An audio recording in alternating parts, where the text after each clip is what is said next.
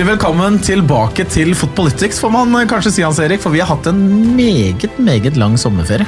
I overkant lang, eh, vil mange hevde, meg sjøl inkludert. Eh, Men eh, det kjennes, eh, det kjennes veldig bra å sitte her igjen nå og se ditt blide, flotte ansikt, og ikke minst vår eh, gjest i dag, som eh, du kan presentere snart. Det kjennes rett og slett veldig bra. Altså, Norsk fotball får jo ofte litt kritikk for at man tar fri midt på sommeren når eh, gresset er på sitt beste. Eh, Vi som bare skal sitte her, kan jo sitte året rundt, men eh, det ser ikke ut som du har bare vært ute i sola heller, for du er ikke knallbrun nå, Hans Erik? Er det Men nå skriver vi oktober. 2. oktober. For øvrig din bursdag, Freddy. Ja, takk skal du. Du ser ikke en dag eldre ut enn i går. Men nei, altså jeg eh, eh, Gresset har vokst, brunfargen har forsvunnet. Eh, men nå er vi klare for ny eh, sending, eh, Fred. Og siste sending, vi snakker, eh, snakker vi tilbake altså midt på sommeren, starten, eh, forkant av sommeren der, snakka vi om Champions League-finalen. Vi hadde gjest fra England, Jonathan Wilson, snakket om de største, kanskje den største kampen i verdensfotballen, bortsett fra VM-finale kanskje. Eh, Og i dag så skal vi bringe det tilbake hjem. Ja, men vi er fortsatt uh, godt innafor fotball, og det er det som er jo så deilig med idretten vår. eh, at uh, om vi snakker Champions League, om vi snakker Post Nord, eller hva vi snakker for noe, det er fotball, det er, det er sjel. Nesten trodde du skulle vite hva vi, at du visste hva vi skulle prate om, for du nevner Post Nord. Vi skal snakke om et av opprykkslagene. Vi har gjest her som trener et av opprykkslagene. Mulig opprykkslag, får vi kanskje si. Det er jo ikke avgjort dette ennå. Fra Post Nord-ligaen avdeling 1. eh, Kvikk Halden, som vel har overraska mange. Før vi introduserer eh, gjesten helt, eh, hva vil du si sånn på et helt overfladisk nivå nå, før vi går i dybden, eh, Hans Erik, om dagens tema? Eh, Da vil jeg si noe sånn som at eh, fotballens veier er uransakelige. Eh, vi, har, eh, vi har utrolig mange ferdigheter som er med å bringe fotballen eh, dit den er. Én liten delferdighet er en overstreksfinte. Og den beste på overstreksfinter i det norske land, i hvert fall så lenge jeg kan huske, det, den, den innehar han sitter foran meg her. Eh, og så er det jo ting som tyder på da, at han fortsatt kan den finta der. Nå litt mer som, eh, som trener. For det, det ser jo unektelig bra ut for, eh, for Kvikk Halden eh, i år. Hjertelig velkommen hit til oss, Kvikk Halden-trener eh, Kent Bergersen. Takk for det, ja. Hyggelig å bli bedt inn. Ja, det er, det er gode dager å være, å være Kvikk Halden-trener, er det ikke det? Jo, det har for så vidt vært det nå nesten i to år. da. Eh, Vi rykka jo opp fra tredjedivisjon opp til Post Nord i fjor. Og har gjort en bra sesong i år, så, og det kan faktisk ende med et opprykk i år òg, hvis vi er gode og heldige på slutten. Eh, Hans Erik, du har statistikken sånn veldig langt fram i panna, men det er mye poeng Kvikk Halden har tatt i løpet av denne sesongen. Sånn imponerende eh, sterke statistikker. Ja, Kvikk Halden har vært eh, fabelaktig, og, og som et ekte topplag verdig, så spiller det ikke noe stor rolle for dem om de spiller hjemme eller borte. De, eh, de plukker stort sett trepoengere der de er, og i år så er det jo eh, et snitt på 2,22 poeng per kamp, og det, det er opprykkstall, det. Ja, det er tøft uh, i toppen av, uh, av Post Nord avdeling 1. Men tilbake til temaet vårt. Opprykkskamp eh, og din karriere, egentlig, både som eh, fotballspiller og trener, eh, Kent. Vi husker deg jo som Jeg husker aller best som venstre kant i Vålerenga, hvor du ikke nødvendigvis var den kjappeste spilleren, hvor, men det var antageligvis den vondeste å møte, fordi dragningene dine, det, de, de satt. Ja, da, jeg blei jo etter hvert sånn kjent for den overstegfinta som Hans Erik snakka om. Den begynte altså Min fotballkarriere, kan du si, eller starta jo i Grue. Der som jeg er oppvokst, eh, i et veldig godt fotballmiljø. og Vi spilte jo fotball døgnet rundt, og da blei det greia der eh, min greie. Jeg fløy rundt og tråkka over den ballen hele tida og dribla til jeg mista ballen omtrent hver eneste gang. Så har jeg en beinlengdeforskjell hvor høyrebeinet er 1,5 cm kortere enn den andre, så jeg var litt sånn Garincha. At jeg liksom dro Det blei liksom alltid høyrebeinet over eh, ballen og gå til venstre, og så etter hvert utvikla jeg den her til å bli både dobbel og trippel og kvartuppel og alt som, som det var, da. Så, Også riktig som du sier, at jeg ikke var den hurtigste. Jeg husker jo spesielt i den tida jeg spilte i Vålerenga på Ullevål, hvor på hjemmekampene våre, hvor jeg stadig vekk fikk høre det at jeg ikke løp fra linjemannen engang. Så, så det stemmer. Men du har jo dratt deg eh, fotballkarrieren din både til store klubber her til lands, men også ut i, ut i fotball-Europa, både til Hellas og til England og, og diverse. Hva er liksom de store høydepunktene fra fotballkarrieren din? Uff, det, er ganske mange, egentlig. Jeg syns det er vanskelig å liksom si ett. Jeg har vært med på mye. Jeg har opprykk, eh, selvfølgelig, de klubbene jeg har spilt. Eh, to seriemesterskap med Rosenborg. Fått muligheten til å kvalifisere meg til Champions League. Vi drev og snakka her i innledningen om Champions League og Post Nord. Nå er jeg Post Nord, høres ikke veldig sånn attraktivt ut sånn i utgangspunktet, men jeg har også kjent på Champions League-spill. da. Nå klarte jo aldri Rosenborg å kvalifisere seg de to årene jeg var der, men vi spilte jo mot Deportivo la Coronia. og og Austria-Wien i de to kvalikkampene jeg var med, hvor vi, hvor vi tapte. Så, så jeg har vært med på, på, litt der, og så vant vi jo cupen i, i, Hellas. Uh, vært med og slått Manchester City med Stockport i England på Main Road. Uh, så jeg har jo vært med på veldig mye sånn. Og så er det, som trener så har jeg jo rykka opp med, det, med klubber som jeg har trent. Drøbak, som var min første trenerjobb. Jeg hadde rykka opp med Bodø-Glimt, rykka opp med Kvikk Halden. Så jeg sier det når jeg blir ansatt i klubber, så sier jeg at enten så rykker vi opp eller vinner noe, eller så får jeg sparken. Og Sånn har det jo vært så langt. Eh, de to andre klubbene som ikke har nevnt noe, det er jo Lyn og, og HamKam, hvor jeg har fått eh, sparken. Så det blir enten eller. Ligger nærmere, eh, det må man si, Hans Erik. Han er nærmere å rykke opp enn å få sparken i Kvikk Halden i skrivende stund. Da skal de være fryktelig oppfinnsomme borti Halden der, hvis de skal begynne å fyre her nå, ja. Hans Erik, du har vært nysgjerrig på, på Kent over lang tid, egentlig. fordi uh, For å finne ut egentlig hva som gjør at et lag med relativt begrensa ressurser som, som Kvikk Halden klarer å kjempe mot mye større, sterkere konkurrenter, da, om man kan si det sånn, bl.a. Fredrikstad, å få dette poengsnittet. Hva tenker du om det? Han har fått til med, med, sin klubb? Nei, altså, Det eh, sier seg sjøl at det er svært imponerende, det som eh, foregår med, med Kenta ved roret der nede. Eh, det som er interessant her, og spennende, er jo Kenta som, som type. Kenta som trener. Hvor, hvor mye er det igjen av spilleren Kenta i treneren, f.eks.? Ja, det er eh, litt både òg, tror jeg. Veldig lite. Jeg var jo en, en, bohem og en som ikke var veldig til å høre på treneren når jeg var eh, spiller sjøl. Jeg spilte etter eget hode, og som jeg sa innledningsvis, jeg dro med meg barndommen min inn i toppfotballen. og og bare var ute etter å på en måte få brukt mine ferdigheter best mulig. Og så ute for å på en måte gjøre det best mulig for laget selvfølgelig, og mine medspillere. Men uh, som trener så er det, du har et mye mye større ansvar. og Du har ansvar for alt, og hvordan alt fungerer. Både i forhold til utvikling av spillere, hvordan laget fungerer som helhet, kollektivt, relasjonelt. Uh, ikke sant? Og hele den biten der. Og i tillegg til trivsel, disiplin, eh, hele pakka som gjør eh, et fotballag da, og en gruppe som skal prestere sammen. og Det er der det, det, ligger veldig mye, og der er jeg mye mer kravstor og æregjerrig enn det jeg var som eh, spiller sjøl.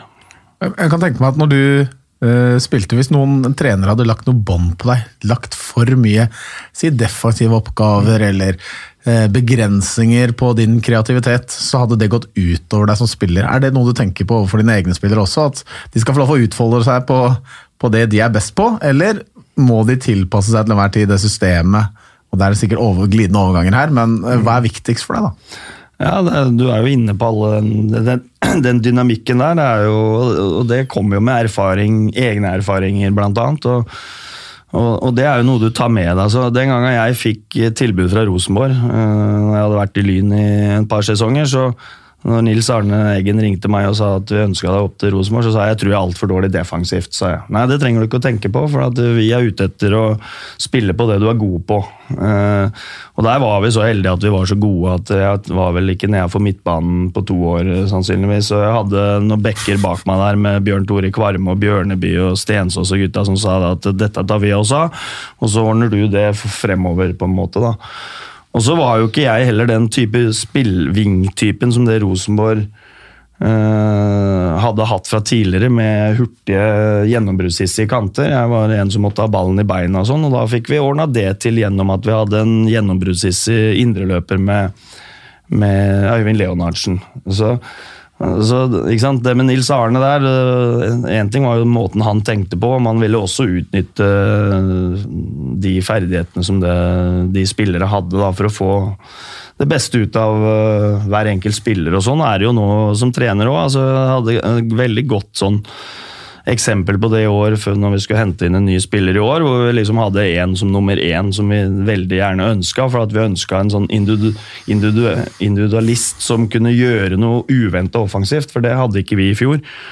Uh, hvor vi da Josef Scheib, som spilte i Fredrikstad, har vært i Moss og sånne ting. Hvor, vi, hvor i utgangspunktet han kanskje ikke Vi spilte jo 3-5-2, og han er en kantspiller og ikke en wingback som løper opp og ned. Da måtte jeg begynne å tenke i andre baner i forhold til å kanskje legge om et spillesystem til 3-4-3, sånn at han, for han er en sånn høy, innoverkant med høyre venstre, med venstrebein. Uh, etter, men vi spilte jo 3-5-2 i hele fjor, uh, så vi la om til 3-4-3 sånn i startfasen. Og når han har spilt, nå har han kun spilt halvparten av kampene, litt pga. skader og litt pga. taktiske vurderinger. men, uh, og nå i det siste, helt siden i ferien nå, så har han spilt spiss. Så man, man, må på en måte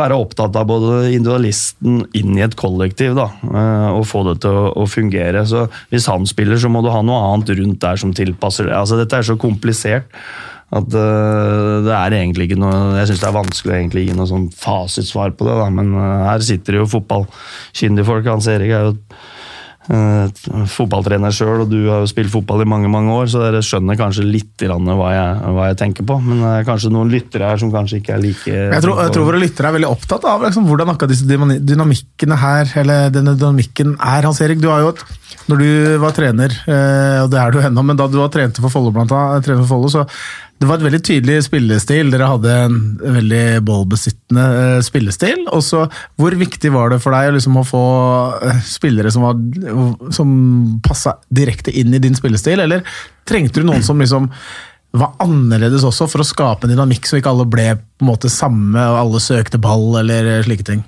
Begge, begge deler, selvfølgelig. Én ting er jo spillestilen som uh, Follo i tilfellet her hadde. En annen ting er jo uh, å si livsstilen spillerne tilegner seg da, med å bli en del av gruppa. Kulturen i gruppa. Uh, vi ønska å ha ballen mye i Follo fordi vi hadde lyst til å gi oss sjøl ofte tilgang med, med, ball i viktige rom. Uh, og derfra ut så trenger du jo å spille på flere strenger, selvfølgelig. og da da er du avhengig av å ha ulike spillertyper som, eh, som er gode i de forskjellige fasene i spillet. Uh, og Dette er jo den jobben du gjør når du setter sammen et lag og du lager et spillkonsept som du, som du vil at spillerne skal funke um, i. Uh, og Det er jo der det kompliserte starter. Men uh, den klare, tydelige planen på hvordan det skal se ut, og hvem skal gjøre hva i dag og i kampene framover, det er jo eh, både interessant og stressende og spennende. Og, og, det gøye med å være fotballtrener på mange måter.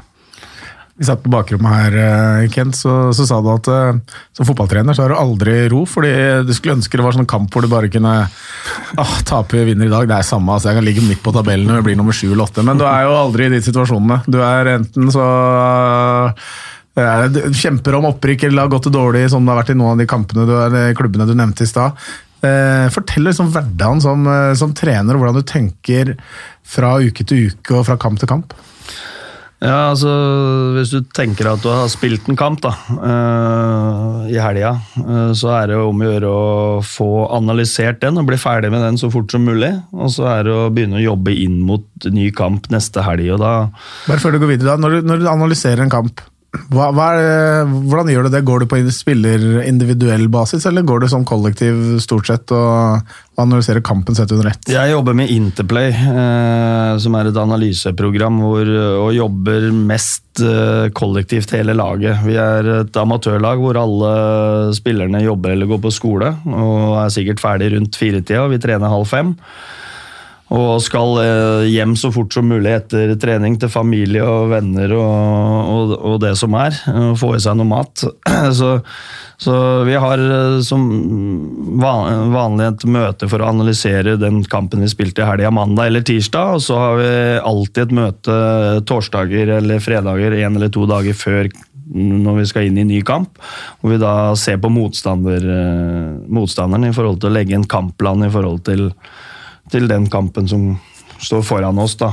Eh, Så, så først så må du legge bort den kampen du har gjort, og så eh, prøve å få gjort det så tidlig som mulig inn i en ny uke, da, mandag eller tirsdag. Så fra onsdag så er fullt fokus på det du skal gjøre i neste kamp. Så du, så du liksom du har, Spiller vi lørdag, da, så er søndag en dag du kan slappe av litt. grann. Eh, Spiller du søndag, så er det egentlig Da har du kanskje litt formiddagen på mandag hvor du kan slappe av, eller så går det i ett hele tida. Det kverner. Du skal finne ut hva som har vært bra og dårlig i den kampen du har spilt, og så skal du begynne å tenke på hvordan skal du da klare å å vinne neste kamp. Ut fra både struktur og hvilke spillere du skulle bruke.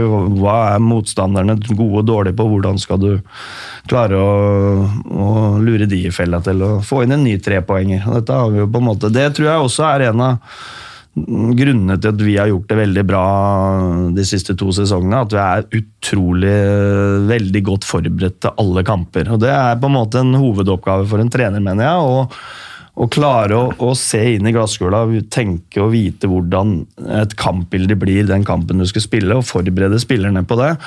For da er det ingenting som kommer som noe overraskelse. Og det tror jeg ikke jeg har bomma på én gang de siste to åra med, med Kvikhallen. Det er litt overraskende egentlig at ikke noen noen gang kommer med noe som er litt overraskende. Eh, Men det har ikke vært eh, Vi har treffet hele veien, og det er litt av grunnen til at vi gjør gode resultater om dagen, tror jeg. Du, du nevnte at de spilte 3-5-2, eh, endra litt til 3-4-3. Hvor pragmatisk er du? Er det sånn at du, deres spillestil er den som, skal, er, som er viktigst? Den formasjonen og slikt? Eller tilpasser du til motstanderen det eventuelt eh, i både i, i ren formasjon, altså tallkombinasjoner, men også spillestil? Det er 80% oss sjøl og 20% litt sånn av motstanderen. Som Hans Erik var inne på litt i forhold til den Follo-greia der, så er jeg også en trener hvor jeg eh, ønsker at laget skal styre kamper og ha ballen mest mulig. Så det er det vi jobber mest med hele tida. Men eh, etter hvert som man lærer i fotballen og, og skjønner litt mekanismer og hva som er viktig for å vinne fotballkamper, så må man være like eh, opptatt av det defensive. Men mye av det defensive på en måte klarer du å ta bort gjennom å være veldig flink i balansespillet når du angriper i forhold til offensiv markering og alt dette greiene der, som gjør at du vinner tilbake ballen igjen hurtig når du mister den. Eh, Jeg var forberedt på det året her, at jeg trodde vi kom til å måtte forsvare oss i, i 60-70-75% i alle kamper. Eh, Men det har- blitt motsatt, at vi har blitt så gode i vårt eget spill at vi stort sett fører de fleste kamper. Og så er det merke de kampene hvor vi må forsvare oss over lengre perioder, så merker jeg da at eh, at spillergruppa vår, laget vårt, blir utålmodig og er litt sånn ikke veldig komfortable med å, å måtte forsvare seg uten ball over lengre tid. Eh, Så det er en utfordring eh, som jeg må forberede spillere på. og Det er noe jeg sier til dem i kamp. Det var vi forberedt på mot Levanger, for det er et godt spillende lag. Og det må vi være forberedt på mot Egersund, for det er et godt spillende lag. Og det må vi være forberedt på mot Fredrikstad når vi møter de, for de er også gode. så det er, for det har med det mentale å gjøre. i forhold til at Du må faktisk orke å tåle å jobbe i tre-fire minutter i slengen uten at du får kjenne på ballen. Og være den, Flytte beina, ha gode avstander og, og hele den biten der. Så ja. Kjenner deg igjen i det jeg sier, at øh, øh, om øh, å innstille spillerne dine på at dette her er en sånn type kamp og en annen type kamp, og de forventningene og de kravene som settes ulikt for egentlig, litt for, for hver helg du skal spille. Ja, naturligvis. Og det er jo eh, det er mentalt krevende, både for en trener og en spiller. og eh, Sjøl husker jeg en kamp mot KFUM for noen år tilbake hvor, eh, med Follo, hvor vi skulle eh, Koffa var jo kjent som et spillende godt lag. og Jeg spurte spillerne før kampen, eller et par dager før kampen er det greit gutter, at vi tillater Koffa å ha ballen mer enn oss, spesielt første halvtimen. Fordi hvis eh, vi lar dem føre eller spille pasninger inn i de og de rommene, så, så, tar vi ballen der og så kan vi kontre på dem. Og så kan vi lede 4-0 etter en halvtime. Er dere komfortable med det, eller skal vi gå ut på vanlig måte og så skal vi eh, prøve å matche dem på eh, ja, kall det possession eller ballbesittelse? da. Og så er det litt sånn om og men, så fikk vi go fra laget at ok, vi, vi prøver den approachen der. Og så leda vi 5-1 etter 36. Så det, det stemte jo. Um, jeg er litt uh, tilbake til Kenta. Det å være pragmatisk er smart, da. Og jeg tror det det gjør at du spiller på flere strenger i, uh, i en kompleks hverdag. Uh, Kenta uh, tok over Drøbak i 2003 mm. som spillende trener. Jeg har to bekjente som trente Groruddalen på den tida der, og, og skulle scoute eller speide Drøbak i forkant av en kvalikkamp med tanke på opprykk til andredivisjon. Eh, og de sa det er det verste laget de har speida noensinne, fordi eh, den spillende treneren han eh, var venstrekant, men noen sekunder etterpå så lå han som dypt anker og kjørte en tre-fire oversteg og hadde plutselig tre-fire spillpunkter å, å, spille. Og det, det, er en sånn ganske heavy rotasjon da, i, du gjør i motstanderlaget som, som, er vanskelig å strukturere opp. Og da bare en sånn liten tilleggskommentar til det du snakker om at Kenta ikke var hurtig. Eh, det huet hans tror jeg har gått ganske kjapt opp gjennom åra. Selv om beina øh, kanskje ikke bevegde seg så fort framover. Gikk kjapt de òg når jeg hadde ballen, men ikke når jeg ikke hadde og, er, og du, du, sier sjøl at du, du, er flink til å, å, forutse hvordan kampbildet blir, og sånne ting, og da, da, trekker jeg en parallell på at det kjappe fotballhuet det er fortsatt i, i funksjon. da. Eh, hva når jeg vet ikke om du har opplevd det ennå, eh, som kvikktrener. Hva når du tar feil i forberedelsene, og spillerne eh, møter en kamp de ikke har spilt på forhånd? da? Hva, hva gjør du da?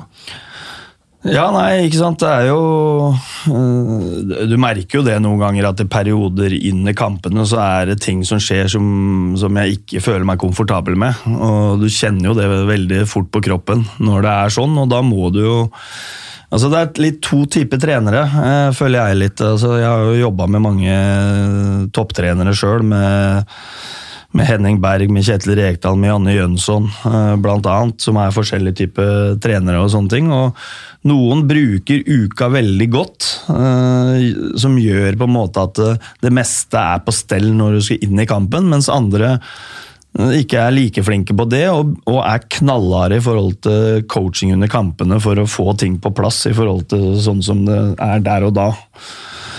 Uh, altså Eh, skjer ting som ikke du er forberedt på underveis under kamper, så er det mye mer krevende, for du må på en måte eh, brodde da, må du bruke assistenten din, du må kommunisere med spillere underveis under kampen og sånne ting, og det er mye vanskeligere enn at ting går sånn som du har forutsett. Og det er jo, det er jo fotballen, og jeg har spilt mange tusen fotballkamper, så så jeg har jo vært med på noen kampscenarioer opp gjennom eh, åra, og jeg er alltid forberedt. Og vi prater jo gjennom scenarioer som gjør at eh, med forandringer og stemme funker ikke det der, så må vi gjøre det. Og, Ingen fotballkamper er på en måte helt like, selv om veldig mange er i nærheten av å være like. da, Mange lag ligger jo sånn som når vi spilte i tredjedivisjon, så møtte vi vel sikkert altså Av 26 kamper så var sikkert 20 av dem mot 4-5-1. Mm. Uh, møter du Trøndelag, så veit du at det er 4-3-3. Uh, eh, så mye av, det, av kampbildene går jo igjen fra kamp til kamp. Uh, så, så, det er ikke noe sånn at det er én million forskjellige scenarioer. Men du er alltid forberedt på plan A, B og C, eller B og C. Og det òg kanskje i enkelte tilfeller, når det går litt i stå. da. Men Når du sier at du forbereder deg på motstander, er det tyngdepunkt video? Se her, gutter, sånn gjør dem. Eller er det også på felt? Det begynner med sånn da på Vi har alltid en kampforberedende økt før kamp, og da viser vi video før. og Vi viser motstandere hva de hvordan de forsvarer seg og hvordan de angriper. Og så jobber vi med motspill i forhold til hvordan de forsvarer seg, og, og hvordan vi skal forsvare oss i forhold til presshøyde og, og, og de tingene der. Lede ut, inn. Uh, de tingene der, så Da går vi ut og praktiserer det som vi på en måte har sett på video først. og Det føler jeg er en veldig fin måte å jobbe på, for da har gutta sett gjennom hvordan vi skal ha det først. Og så er du ute og trener på det etterpå. Og alt er i relasjon til deres grunnspill. Ja. Altså, Dette er sånn vi gjør det vanligvis, og så tviker vi og twerker litt ja. på det og det. Og så, Møter vi én spiss, vi spiller jo med tre stoppere, eh, så vet vi jo på en måte hvor vi vil komme ut med en av de to ytterste stoppera, og så er det bevegelsene der, da, i forhold til å, å få Du må true flere rom samtidig, ikke sant. Det rommet som er alltid farligst for å skåre mål, er jo bak eh, forsvaret til motstanderen. Som alltid er prioritet nummer én, hvis du har mulighet til det. Og så er det siderom og mellomrom som på en måte må brukes i forhold til, til hva som er eh, hensiktsmessig i forhold til hver enkelt situasjon. Og det er jo det som er det jobber du med hele tida, sånn at det skal bli en gjenkjenning for spillere. altså at De kjenner seg igjen. Altså når jeg spilte i Rosenborg, så var liksom alt ikke Vi kunne dra på oss øreklokker og bind for øya og spille fotball på, bare på intuisjon gjennom at vi hadde gjort det så mange ganger. At vi visste hele tida hva, hva, folk rundt nå. Erik Hoftun som venstrestopper kom opp med ballen og, og utfordra opp, og Leo gikk på løp, så visste jeg at nå får jeg ballen i beina. Og så, visste, og så var spørsmålet kom bekken oppi meg, eller Kom den ikke opp i meg, eh, kom den ikke opp i meg, så kunne jeg få ballen i beina og, og utfordre sjøl. Kom den opp i meg, så måtte jeg ofte da ta av press, for så å bruke Leo igjen. Så liksom alt liksom går på skinner. da, og vi, det, Over tid da, og kontinuitet med samme spillere, samme trener, og jobbe med de samme tingene, så blir du bedre og bedre. og De lærer seg å kjenne igjen både vårt spill og litt hva, hvordan motstanderen kommer, og hvilke typer formasjoner og hvilken type spill du ønsker mot de forskjellige lagene. Da. Så vi har fått til en sånn derre Sånn jobba jo Nils Arne Eggen, og sånn jobba Knut Torbjørn Eggen. Jeg hadde jo han eh, også både i Moss og i Fredrikstad når jeg spilte der, og var jo også med som hjelpetrener i Rosenborg når jeg var der. Og sånn, sånn, tenker jeg, jobber jeg litt Sånn som wingback nå, så er det en høyre wingback, høyre indreløper og, og, faktisk høyre stopper, og kanskje en av spissa. Og så jobber tre og fire sammen på hver side for liksom å true de forskjellige rommene og forskjellige bevegelser og sånn, for å skape uh, da motsatt bevegelser som gjør uh, skaper rom for vårt spill. Da. Og dette føler spillere litt på når de spiller. Får liksom, som har kommet nye nå, liksom, de, liksom, de, merker jo det, at motstandere har vanskeligheter med å spille mot oss. Og at vi liksom har mange spekter å spille på. Så det er, ikke, det, er ikke, unnskyld, det er ikke én spiller som skal true ett rom, det er ett rom som skal trues av en spiller. Mm. Det er fleksibilitet. Ja. Det er vanskelig å forsvare seg mot. Ja, det er det. Uten at jeg er helt uh, Henger du med? Ja, ja, men uten at jeg har kontroll på hvor mange hvor det, er, eller hva slags formasjon dere brukte når dere spilte i Stockport eller Panjoni og disse lagene her. Mm, mm. Men jeg er sikker på at i hvert fall de aller fleste klubber du har spilt i, så har dere spilt med fire spillere bak. Mm. Du har valgt å gå over eh, til å spille med treer bak i din uh, trenerkarriere. Mm. Hva føler du at en trio bak gir kontra en tradisjonell, mer klassisk firer? Ja, dette er jo også typeavhengig og, og, alt mulig. Det var litt sånn rart dette her, for at når jeg hadde vært um, i fem år som assistenttrener i Ålesund, så følte jeg på at uh, jeg uh, trengte å bli hovedtrener igjen for å få brukt meg sjøl og få ut litt av mine ideer og, og litt uh, den greia der. og så når jeg var i HamKam da og skulle liksom bygge opp et lag, det var jo der første gang jeg prøvde litt med 3-5-2. Uh, og Det hadde med spillertypen å gjøre. Og, altså, der hadde vi så mange stoppere. og, liksom, og vi, Det var ikke sånn at uh, økonomien Klubben hadde jo gått konkurs nesten året før jeg kom inn. Og du måtte på en måte uh, dandere det til i forhold til de spillerne som du faktisk hadde i troppen. Og da endte vi opp med en 3-5-2. når jeg tok over Kvikk, så så jeg var jo i utgangspunktet en litt sånn 4-4-2-trener med innoverkanter og offensive backer og motsatte bevegelser på sentrale midtbaner. og Jøss, yes, med. Jøss innoverkant? Ja. så, øh, så Men så når vi begynte, Det var det som var så rart i Kvikk. for at uh, når vi begynte med det første året jeg var der, så, så begynte vi jo 3-5-2. Så havna vi Nei, vi starta i 4-4-2, og så havna vi i 3-5-2 igjen der. Med en litt tilfeldighet, for at vi fikk to spillere skada. En høyre kant og en høyre bekk. Og da, det vi satt igjen med da, var liksom passa best i 3-5-2. Så det var egentlig litt sånn tilfeldighet. så er ikke, Jeg er ikke i utgangspunktet noe 3-5-2-trener eller 4-4-2 eller 4-2-3-1 eller 4-3-3. Altså det, det, det, jeg liker minst, er 4-3-3, som jeg liksom blei ble hjernevaska av oppe i Trondheim der jeg spilte i Rosenborg. Hva er grunnen til det? Nei, Det er, har litt med at jeg syns det blir for mye korridorfotball. Det er for lite ut for, for meg som fotballtrener, føler jeg.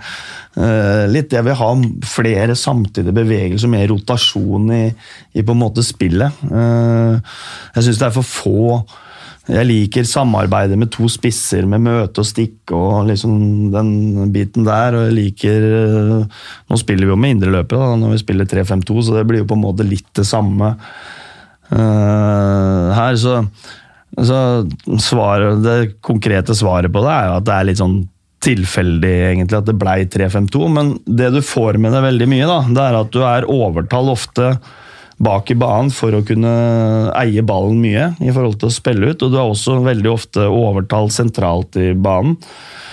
Uh, litt høyere oppe i banen. Pluss at defensivt så, uh, så, så dekker dekker du målet ditt uh, mer med å ha tre robuste stoppere inne foran keeperen din i forhold til å ta imot innlegg og, og de tingene der.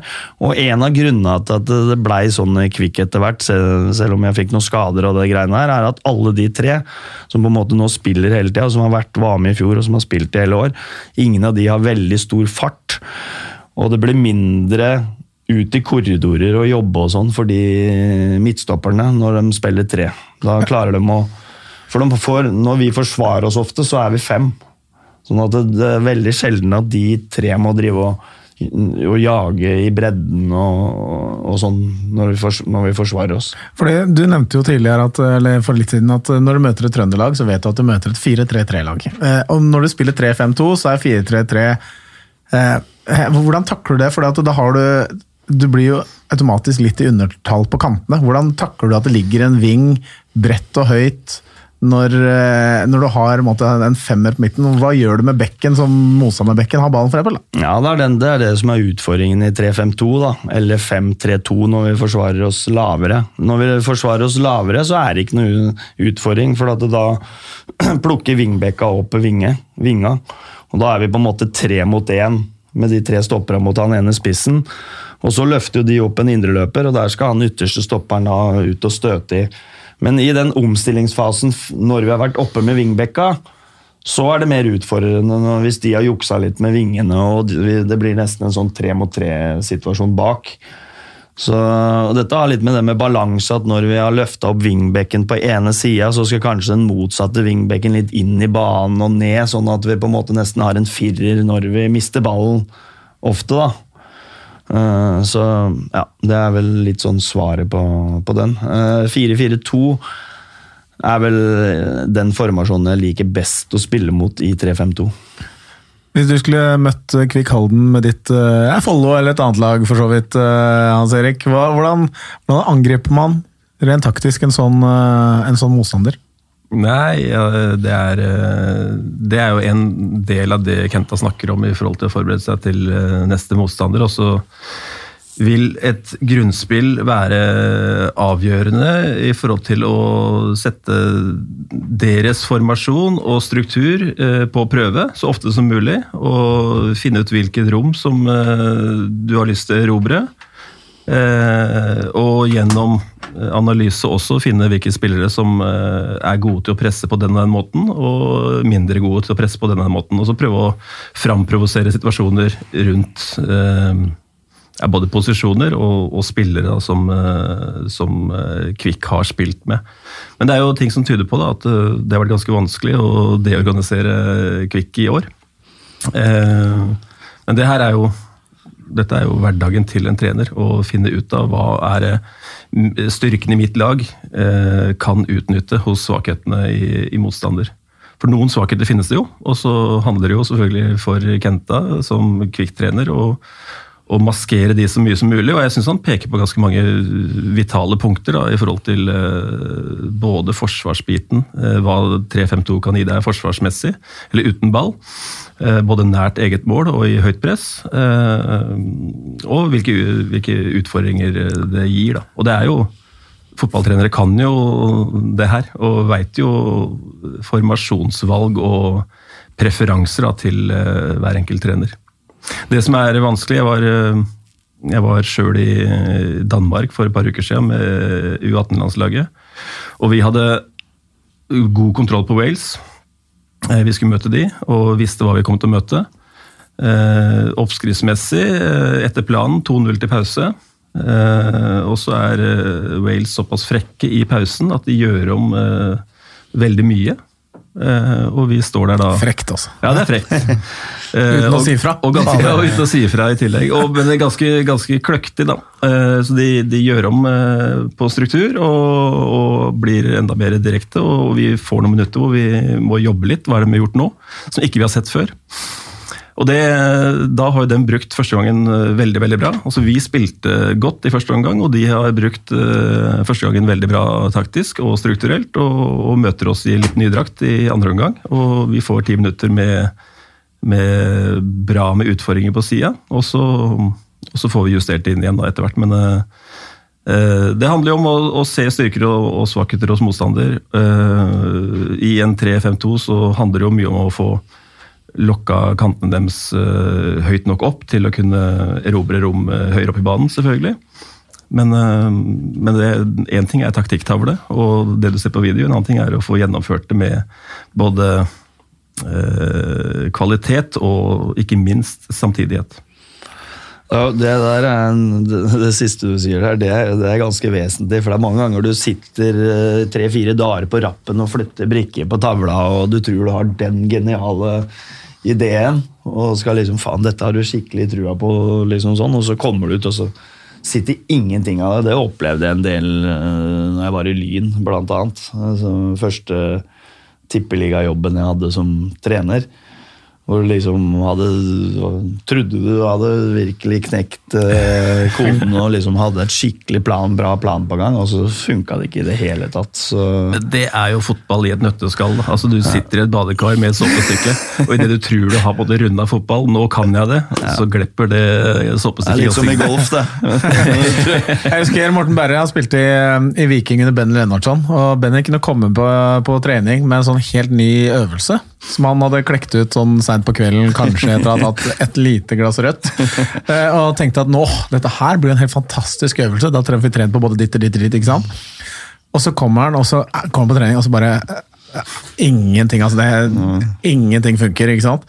Og da bare husker jeg Morten sa han hadde alltid et papir hvor han hadde tegna opp denne. Han Så krølla han bare papiret sammen, og så kasta han bakken, så sa han Good on paper, shit on grass. det, det, var, og det kan du kanskje kjenne deg igjen i? Ja, jeg prøver å være godt for, jeg liker å være godt forberedt. kan Det er litt det samme der. Du er noen øvelser, og du skal fyre, og han skal dit, og han skal dit, og så, og så, og så går ikke dette opp, og så, og så Nei, den dropper vi. Vi går, ja, ja. går over til den, vi. altså, Det er på vei inn i sesongavslutninga i, i Kvikhalden nå. Utrolig spennende. Eh, Post Nord-liga avdeling avdeling én. Ehm, dere har noen tøffe matcher framover. Stjørdalsblink leder, dere kommer der. Egersund, eh, Fredrikstad. Det er, det er eh, måtte gode, veldig gode lag. Hvordan ser du for at uh, sesongavslutninga blir? Hva blir viktig for Kvikk? Nei, altså som vi har, Sånn vi har jobba nå i, i, to år, da, snart. det er jo liksom, vi, vi, hadde jo Vi øvde jo på dette i fjor, for at vi lå på det meste i fjor. Sånn ut i mai, Allerede i mai så lå vi 11 poeng bak Eidsvoll-turen og hadde en jobb å gjøre. i forhold til, og Vi husker jo den kampen det var rett etter det var helga. Vi skulle spille mandagskamp etter Champions League-finalen mot Strømsgodset 2 i Drammen med Moss og Pellegrin, Pellegrino og Hammod og han der, hva heter han Bekken som gikk til Haugesund og som var i Strømsgods og vært i Lillestrøm? Ringstad. De hadde sju-åtte tippeligaspillere på laget, og der, og vi, vi måtte vinne.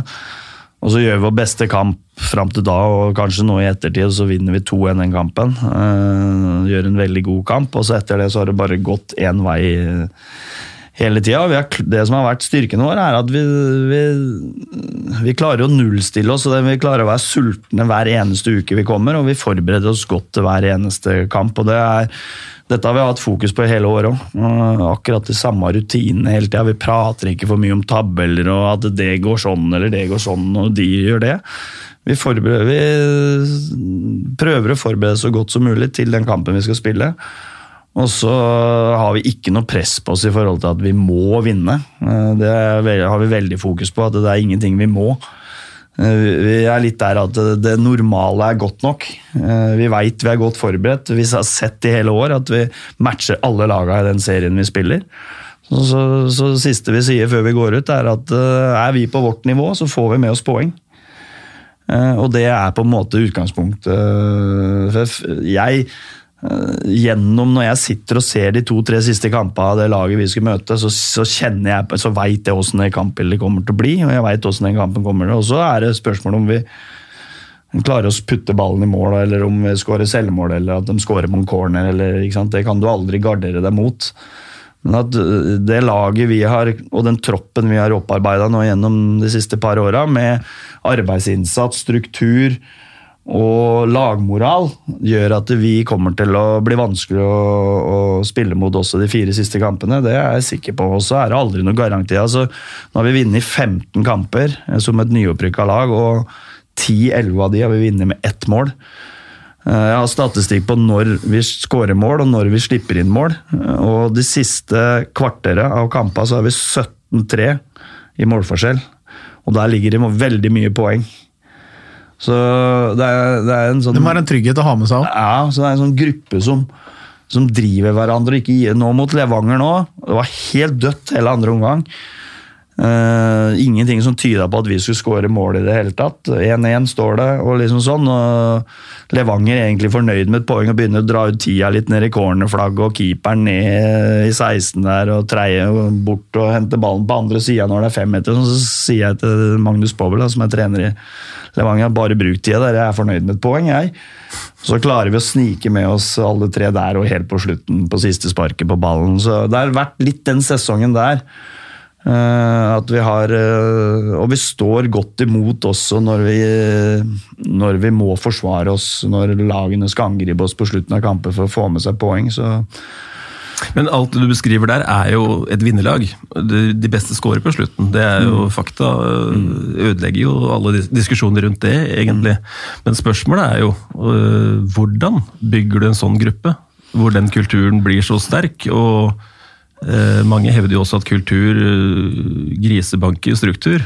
Mm. Men hva er det med kultur? Hva er det som gjør at eh, Kvikk Halden skårer fire minutter på overtid av en innbytter som står på riktig plass til riktig tid, når egentlig alle andre har eh, settled for a point? Mm. Den kampen som var nå i helga, så var vi veldig altså vi var daue. og som jeg, som jeg, har kanskje ikke sagt det til, men vi har fått opp en tropp som er Vi har 25 spillere.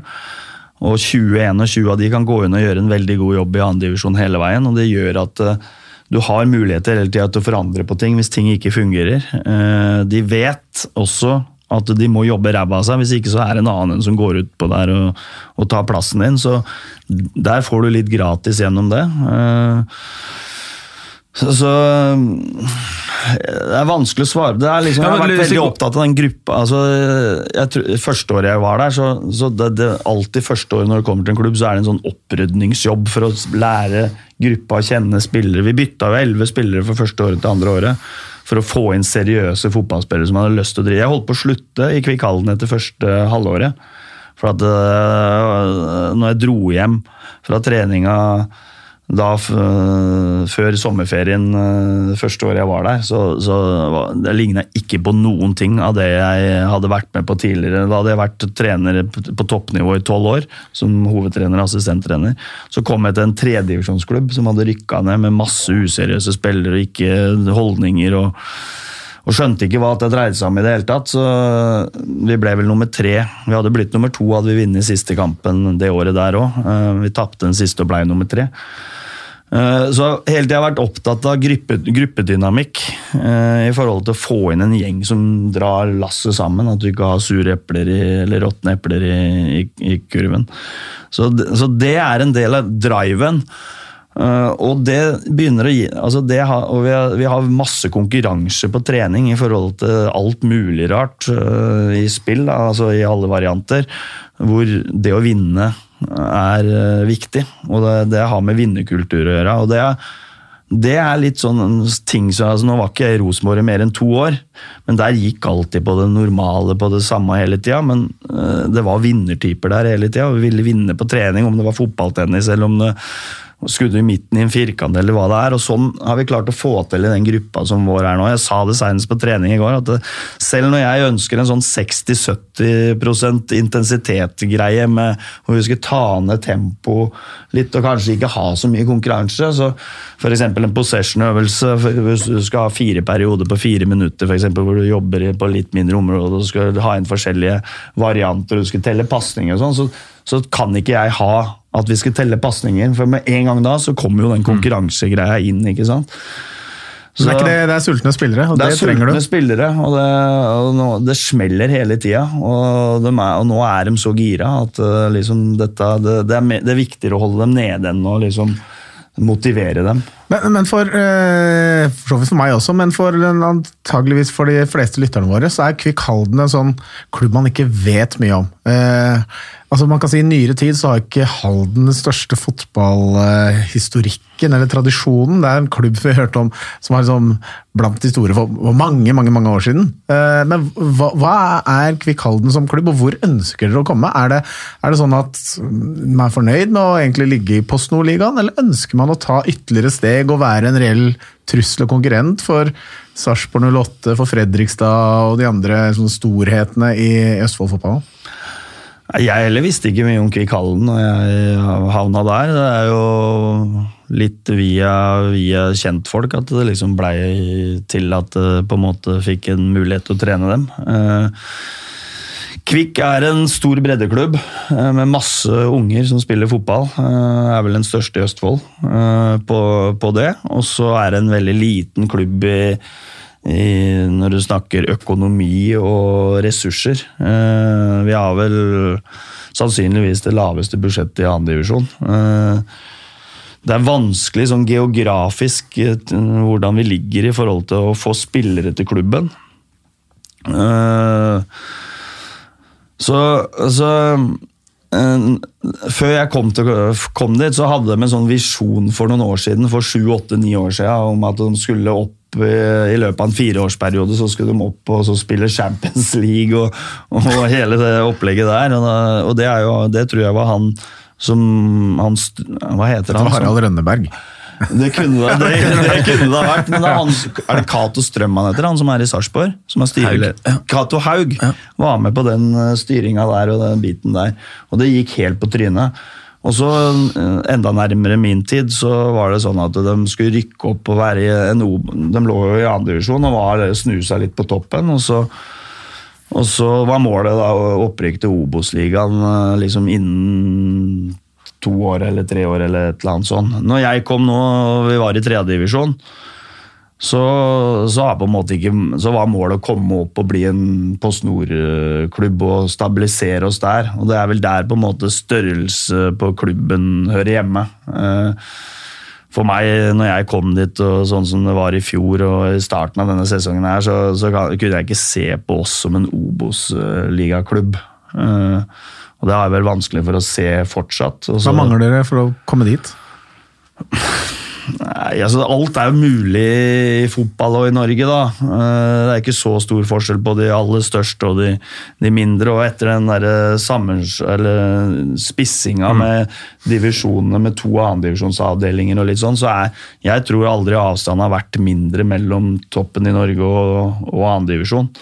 Det ser du på cup, øh, og, og det er små og Vi møter jo også eliteserielag i, i cuprundene, som vi får målt oss litt å se. og Det er, det er ikke så mye som, som skiller, så det er fullt mulig å så- klar. Men det, altså det, er, det, er jo en dag, det er en daglig leder, og så er det meg. som hovedtrener, som er på en måte heltidsansatte, og så har du en eller en par stykker til som, uh, som jobber, som er litt fulltid, på en måte, som har litt sånn Klubben jo, driver jo både FFO, barnehage, akademier, som er med og gir inntekter til klubben. og Der er det en par stykker som er ansatt på en måte inn der, og i tillegg trener lag nedover i, i systemet. Han som er min assistent, f.eks., han er han kommer jo en halvtime for seint på to av treningene i uka, og så drar han et kvarter før. For han trener et annet lag, G14-lag bl.a. I fjor hadde jeg ikke hjelpetrener. Så, så, det er klart at det mangler jo mye. Keepertrener er, jo, jo, er i full jobb og er på tre treninger i uka. Fysio har vi jo en som skal være innom én eller to ganger i uka. Så det er liksom meg og, og to materialforvaltere som, eh, som, liksom er der hver gang og fullt ut hele tida. Så til å liksom bli en sånn fullverdig god Obos-klubb, så må det jo bygges ut litt i både administrasjon og, i, og rundt det sportslige apparatet rundt laget og alt mulig sånn. Uh, treningsforhold, altså, ikke sant, alt mulig. Det, klubben er jo på en måte litt sånn delt i to. altså klubben tilhører på ett sted med et klubbhus og med en elver, nier, sjuer og en ballbingebane. Baner hvor det er fullt hele tida. Første året jeg kom til Kvikk, så kunne vi ikke trene på den elvebanen, kunstgressbanen, for den var så dårlig. Uh, så vi kunne ikke trene der om vinteren, så vi var og trente på en annen bane i byen. Etter sesongen begynner, så spiller vi på naturgress på stadion. Der eh, er vi i kamp mot friidretten hver eneste dag i forhold til uh, tid. Er vi et minutt over tida vår på treningstid der, så kommer spydet fra spydkastere i ryggmargen, liksom. Så nei, det er masse som, som må liksom bli bedre, både anleggsmessig og Men det er veldig fascinerende å høre hvordan det faktisk er, da. I, eh, fordi det er jo definert som toppfotball. Uh, På snor er på vei til å bli uh, mye mer profesjonalisert divisjon enn det det har vært tidligere. Uh, Hans Erik, du har sikkert på enkelte tidspunkt strevet med mange av de samme utfordringene. Hva gir det, eller hva gjør det Gir det ekstra utfordringer da, for, for, en fotballtrener? Ja, naturligvis. Men vi ser også at uh, noen lag som har markert seg i veldig positiv forstand i norsk toppfotball de siste årene, er jo klubber, små klubber. Jeg tenker uh, Ranheim. Jeg tenker Mjøndalen, uh, som har stjålet mye overskrifter da, med å uh, bygge utrolig solid fundament ut av noe som er lite. Og samtidig så, så gainer du en type fandenivoldskhet, en sånn underfra-ned-holdning, som også er, kan være veldig forsterkende for, for, klubber og lag. Som vi har det vi har, men vi skal, vi skal, ikke stå tilbake for noe på det og det og det og det. Og vi kan være best på det som ikke koster så mye. Så det, det er jo noe av det her Kenta sier uten å si det direkte. At det er en kultur som bygges opp gjennom det med, med å være være der dere er. Eh, og gjennom det bygge en enorm sult og en slags vinnerkultur i, eh, i eh, mindre klubber. Hvor klubber med større ressurser, og det er jo fristende å nevne Fredrikstad, i og med at dere duellerer såpass kraftig med dem nå, at der kan du fort få følelsen av at shit, her har vi noe å tape. Fordi noen som har mye mindre forutsetninger enn oss, de, de er i ferd med å, å, prestere bedre. Og da får du en helt annen, da får du en litt annen kultur, som kanskje grenser innom frykt. Men det er sånn i norsk eh, fotball, jeg tror det fins Det var min sjef sa i går oppe på norsk fotball at jeg tror han sa at det er 1870 klubber, fotballklubber i Norge. Eh, det vil si at det fins mange flere eh, som har begrensa ressurser, enn de store som man kan se i Eliteserien, og som har flotte stadioner og mange heltidsansatte. Så er det nok det du sier her, da, det kan jo være inspirasjon for ganske mange klubber der ute. Og, uh, som har ambisjoner om det ene eller det andre. Da. Uh, det å få uh, vite at det faktisk opp, de som, Mange som lykkes òg, for det kan jo si at dere gjør om dagen. Dere lykkes jo på, på, det dere driver med. At det er mulig, selv om man har noen ekstra utfordringer, så man bare er dyktig nok på de, de små tinga og være ja. grundig nok. Nei da, det er som Hans Erik er inne på, vi ser jo til de klubber, ser jo at det er mulig. ikke sant? Med, de, med Mjøndalen altså, det er jo ikke mer enn åtte, ni, ti år siden de var i tredje divisjon. Og spiller Nå har det vært litt heistilværelse, men som, de er jo lukter her oppe, og, ikke sant? og det bygges opp. Så det er mulig. Ranheim det samme. ikke sant? Kristiansund kan man dra inn i ja, det, kanskje. Kristiansund nå. Absolutt. Helt riktig. Så det er, det er flere klubber som syns det. Men det er klart at det, og, og det er også riktig som eh, Hans Erik sier her, med det sånn som i vår avdeling, når vi så den avdelingen der med Der har du cupvinnere fra sju-åtte år tilbake. Du har klubber som liksom har vært og snusa på eliteseriespill. Til og med for lager som har spilt liksom Fredrikstad, du har uh, Hødd, du har uh, Bryne. Bryne, du har Arendal som har masse penger, Egersund som har ikke sant? Disse lagene har budsjetter på 20-25 millioner, vi har 2,5. Så, og nå når, når Fredrikstad signa eh, Kjelsrud Johansen nå fra Brann, så regna vi på, ut fra rykter om hva han fikk i lønn i Fredrikstad, så, så har han like mye lønn som åtte av våre fø- førstespillere i førsteelveren vår. Så hele nesten laget vårt i lønn, eller godtgjørelse, hvis du skal kalle det det, har da like mye som én spiller hos, hos dem. da. Så det er klart at det, det, det, det, Vi slår unna herfra, vi har ingenting å tape. Vi syns det er kult å drive og yppe oss litt mot disse, mot, uh, disse store klubba. da. Så eh, Hvis vi ikke rykker opp i år, så noe som fort kan skje, selvfølgelig, eh, så, så tror jeg neste år kommer til å bli en knalltøff utfordring. i forhold, For vi har hoppa over et år. I år skulle vi på en måte kjempe om å holde oss og etablere oss, og så har vi liksom vært et topplag hele sesongen. Eh, Så hva, hva skal du være fornøyd med neste år da? Da, må, skal liksom, da skal du igjen være av den derre da er det, ja, Nå har vi vært så nære i år, så ja, da må vi prøve neste år òg. Jo, men det kommer alltid en ny kamp. Jeg vet om et engelsk lag i fjor som tapte én kamp i Premier League. Som eh, Ja, også, du må finne en ny motivasjon og give på igjen. og Det, det er jo litt av greia. da. Men vi snakker om, vi- I podkastene våre Hans Erik, så har vi snakka om Champions League, vi har vært innom landslaget, vi har eh, snakket om eh, fotballen i, i Post Nord-ligaen. Det som er veldig fascinerende, og som jeg er veldig glad i med denne idretten som vi, som vi har holdt på med hele, alle sammen, det er jo at uavhengig av det, så er det eh, noen mekanismer som, som går igjen, og som du kan se som er universelle, og som den bringer jo tilbake altså de samme følelsene inn i, i spill, da, på en måte. Uansett om du skal spille mot Egersund, eller om landslaget skal møte Spania om, eh, om en drøy uke, så er det hva skal si, at det, det gjelder å få utnytta altså, Norge vil jo tenke som, som, eh, som eh, Ken sier her, at vi, er, vi har veldig små ressurser og lite egentlig å spille på i forhold til motstanderen vår. Og, men allikevel så vil det vært i, i sammenligna med, med Ken, så ville det vært en enorm stor forskjell på det materialet Norge har kontra Kvikk. Så man tenker liksom alltid fra en sånn underdog-posisjon og ofte da, at man, man må utnytte de få fordelene man kan ha. og hvordan, Hva er viktigst når man er en underdog, da, som det skal si Kvikk er i forhold til kanskje Egersund og, og Fredrikstad, og si Norge i forhold til Spania. Hva er viktigst for å liksom, klare å samle laget og fortsatt ha troa på, på at man skal kunne utføre mirakler? da? Eh, du har et lag i NFL eh, som har vunnet stort sett det som kan vinnes de siste 20 åra, nesten. Det er Patriots. Eh, og et av sloganene deres er 'ignore the noise'. Altså ignorer all støyen. Og den støyen Kenta med hans fortid kan oppleve i Kvikk, er jo alle manglene som finnes i, i Kvikk i forhold til hva han er vant til. Og så kan han velge å begynne å sutre på det og begynne å klage på det, og miste energi på det som eh, han kan gjøre noe med. Da. Eh, Dette er jo eh, jeg håper å si, Alle vinnere snakker om det her. At det jeg kan gjøre noe med, det er det jeg har lyst til å drive med.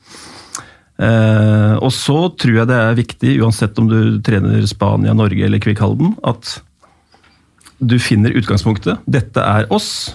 Og, og så jobbe med avstanden til 'dette har vi lyst til å bli'. Og så selvfølgelig minke den så mye som mulig hver eneste dag. Og det her er 24-7-arbeid, da. Eh, 365. Eh, og det tror jeg starter kanskje med treneren. da, At uh, i Kenta tilfellet her tenker 'hvem er jeg', og hvor langt unna er jeg det som eh, jeg har lyst til å bli. Eh, og for å være trener, uansett om du er i opprykksstrid eller nedrykksstrid, eller eh, om du er eh, midt på tre, så, så er det mye lidelse du skal gjennom. Og mye glede, og mange seire, mange tap. Og du må være standhaftig, da. Og den standhaftigheten, den utholdenheten, den må du klare å overføre til spillerne.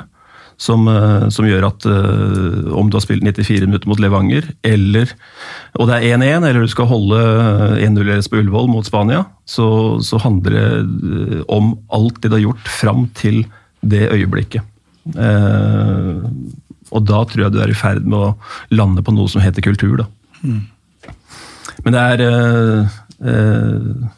det er en så kompleks hverdag å være fotballtrener at uh, og jeg er veldig glad på Kentas vegne at han opplever det han opplever nå. For jeg vet han var ikke så høy i hatten da han forlot Briskeby i sin tid. Og så er det så er det så kult at han har kanalisert den energien, den skuffelsen, da, inn i det som har skjedd de siste åra i, i Kvikk. Jeg, før du skulle komme hit, så, så, tok jeg en telefon opp til noen gamle venner i, i Ålesund. Eh, som jo du har vært tilbrakt veldig mye tid. Jeg eh, skal si at Du har hatt opptur og nedtur som trener. Du nevnte akkurat Briskeby og HamKam, som var en av de som ikke gikk så bra. Men i Ålesund så har du et veldig veldig godt rykte. Jeg skulle hilse fra Amund Shiri blant annet, og si at uh, hele Ålesund, og da tok han ikke store ord i munnen tror jeg engang, hele Ålesund savner deg og ønsker deg all mulig lykke til. Hva, er, uh, hva, skal jeg si, hva, hva sitter man igjen med etter alle disse opp- og nedturene, sånn rent menneskelig?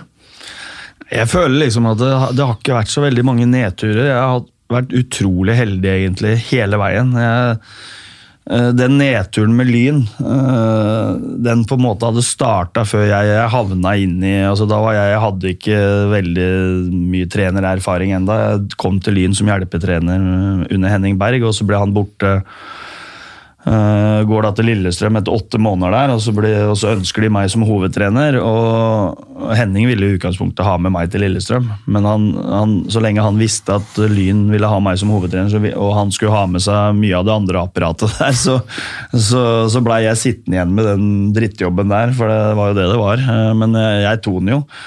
Uh, for vi visste jo at det var veldig økonomiske problemer i klubben. Uh, så jeg tok jo, når jeg tok over da i august, eh, slutten av august der, var det vel, da, det ene året der, så lå vi ganske ok an på tabellen og blei vel ganske sånn ok. Og så, når jeg da skulle inn i mitt første år sjøl som hovedtrener der da, så etter den, hvor jeg steppa inn resten av den sesongen der, så så måtte vi selge spillere nesten hver helg for å kunne ha råd til å betale leia på Ullevål for å spille hjemmekamper. Uh, og vi var ikke dårligere enn noen lag vi spilte mot i noen av kampene. Og vi tapte ikke veldig mange kamper, spilte utrolig mange uavgjort, men vi vant nesten ikke en kamp. Mm. Og eh, det er nesten sånn flåsete sagt eh, sånn i ettertid, så, så, var jeg heldig som slapp ut og fikk ei sluttpakke før klubben gikk eh, konkurs bare noen måneder etterpå. Så den kjente jeg liksom aldri på. for Jeg var så oppi det jeg dreiv med og syntes det var gøy å holde på med fotball. og Vi, vi var konkurransedyktige hver kamp vi spilte uh, i Eliteserien. Mm. Men når du så på tabellen, så lå vi jo langt ned. Men eh, ja, klubben rykka jo ned etterpå. Det på Briskeby er også ganske sånn tøff greie. Egentlig dårlig klubbvalg av meg. sånn i utgangspunktet. Klubben gikk jo konkurs, eller var på randen til konkurs, og fullførte jo sesongen i Obos-ligaen med juniorlaget sitt sesongen før jeg kom. De hadde én spiller på kontrakt når jeg kom dit. Det var Magnus Sylling Olsen som visste at det da hadde så mye lønn at han ville vi heller ikke beholde, så jeg måtte bygge opp et helt nytt lag. En helt ny tropp. Kjente ikke til nivået. Eh, for da, var jo Ham, da rykka jo HamKam ned fra Obos til 2. divisjon Og jeg da skulle bygge og sette sammen en helt ny tropp ut av spillere som jeg, på et nivå som jeg ikke egentlig kjente så godt til, i og med at jeg hadde vært i eliteserie i Obos-liga i, i, i tolv år. Uh, får stabla et lag på beina etter å ha hatt 100 prøvespillere sikkert det første året der, og fått liksom sammen en tropp, og blir vel nummer tre eller fire, fire kanskje første året. Uh, og så starter vi så uten at jeg liksom føler at det er noen tung periode. Vi har fått et lag opp å gå. Men på Briskeby og på Hamar så vet du det at eh, det er jo en historisk klubb. Ønska jo opprykk, det var det som var målet. Så jeg tror de fleste var sånn høvelig greit fornøyd med første året. Så rekker jeg jo nesten ikke å tenke neste året, for da spiller vi to avgjortkamper. Og så vinner vi kamp nummer tre, altså ubeseira. Og så taper vi 5-0 mot eh, Elverum i kamp fire, og bye bye. Eh, før jeg egentlig skjønner noen ting, egentlig. Du rekker ikke å tenke engang. Så jeg, jeg kjente ikke på det som noen motgang i det hele tatt, eh, det heller. Eh, Men det var tungt å miste jobben, og da gikk jeg jo fra starten av mai og hele det ut resten av det året der, hvor jeg ikke hadde jobb. Og da føler du det, når du gjør det over tid, Eh, Hadde du visst at du hadde fått jobb igjen i januar, så tror jeg du kunne ha slappa av og liksom på en måte eh, levd med det. Men så lenge du har den usikkerheten, du, og du veit jo åssen den fotballbransjen er altså? Du er ikke 30-35 år lenger heller og liksom er upcoming og det greiene der. Det er jo historien din og, og fotball, som, som mange sier, det er jo ferskvare hele tida, og det er mange om bein om og, og, og da, da går jeg åtte måneder uten at det er en telefon øh, eller noen ting, og du føler at du er bye-bye, du er ute av det gamet her. Uh, Gudskjelov så, hadde så spiller jeg litt golf, som tar en fem-seks timer å liksom bruke dagene på. Og hvor du treffer litt folk og er litt sosial og sånn, men du blir jo ikke sant? Du, du kjenner, den, den kjente jeg på. Den var tung. Uh, så er jeg heldig å få muligheten til å komme tilbake igjen da, i Kvikk, og det har gått bra. og Så får en se hva fremtiden bringer videre, men eh, fotballverden den veit du aldri eh, hva bringer. Apropos framtida, så er det jo her kamp allerede til helga. Egersund venter en tøff eh, bortematch eh, på Sør-Vestlandet. Vi skal se inn i glasskula i forbindelse med den kampen, da, men også de siste fire kampene sånn generelt. Hvor ender Kvikalden i høst? Det ble, altså Den innspurten som kommer nå med fire kamper igjen, kommer til å bli veldig spennende. og Det er mange internoppgjør med topplagene der. og Det er ingen lag som spaserer til noen seire i noen av disse kampene. her, Så her kan alt skje. Vi skal møte Fredrikstad, vi skal til Egersund. Eh, Blink, Stjørdalsblink møter Fredrikstad, møter Egersund. Fredrikstad møter oss og møter Stjørdalsblink. Så, så her er det internkamper hele veien og tøffe kamper, så det er helt umulig å spå. Men det jeg har sagt, jeg, jeg tror hvis vi vinner våre to hjemmekamper som er igjen, så tror jeg vi tar kvalik, eh, kvaliken. eh, For jeg tror Stjørdalsblink slår eh, Fredrikstad, og vi er tre poeng foran, og da mister de tre poeng til. Og da holder sannsynligvis fort eh, seks poeng hvis vi klarer å Vi har fem mål bedre enn Fredrikstad per i dag, i tillegg til de tre poenga. Så målforskjellen også kan bli helt avgjørende her i forhold til det. da. Så, Ja, spennende. så det blir spennende, ja. Det er ingen tvil om. Hans Erik, vi vi, må bare følge med, vi. Vi må oppfordre folk der hjemme også til å komme dere på kamp, både i Halden og de andre toppklubber og for så vidt andre steder i løpet av høsten, for det er fotball på stadion, det er ganske gøy. Det er jo noe helt annet, selvfølgelig. og Du får en helt annen oppfatning av hva spillet går ut på. Um, og den, eh, den eh, duellen på toppen av eh, Post Nord-avdelingen, den, er, eh, den blir utrolig spennende å, å følge. Altså. Vi har jo hatt som et mål veldig lenge, eller egentlig med en gang vi så terminlista i år, at vi ønska at eh, den kampen mot Fredrikstad, nest siste kampen på Fredrikstad stadion, skulle bli en kamp som skulle være avgjørende for i hvert fall Fredrikstad. Og, og nå er vi jo oppå der sjøl òg, for det, det kan bli en sånn potensielt sånn 10 000 tilskuerkamp. Og vi som er vant til å spille for 150 tilskuere i fjor i tredjedivisjon, så blir det en sånn opplevelse for gutta som sånn at hun får en erfaring som hun kan ta med seg videre i fotballkarrieren. Fantastisk å få sånne, sånne muligheter. Eh, Kenta, eh, tusen takk for at du kom hit og delte eh, denne timen eh, sammen med oss og våre lyttere. Lykke til, masse lykke til med de siste fire matcha. Tusen hjertelig takk for det. Takk for at jeg fikk komme. Hans Erik, er du fornøyd? Jeg er veldig fornøyd. Jeg syns eh, det her har gått uh, ufortredent uh, godt for seg. Veldig god gjest, da. Ja, Super gjest, og det er ikke noen tilfeldigheter at uh, ting er som det er. Og ditt, din spådom for uh, slutten av uh, Post Nord avdeling 1? Jevnt, spennende, intenst, og øh, et av de siste sparka på ballen kommer til å avgjøre. Og der har jo Kvikk vist seg å være solide til nå, i hvert fall. Tusen takk for oss, og tusen takk også til vår redaksjon. Vidar, Ole Kristian og Anders. Dere gjør en helt nydelig innsats, og uten dere så hadde det ikke blitt noen podkast. Så takk skal du ha, Kenta. Ha en fin høst, da. Takk i like måte.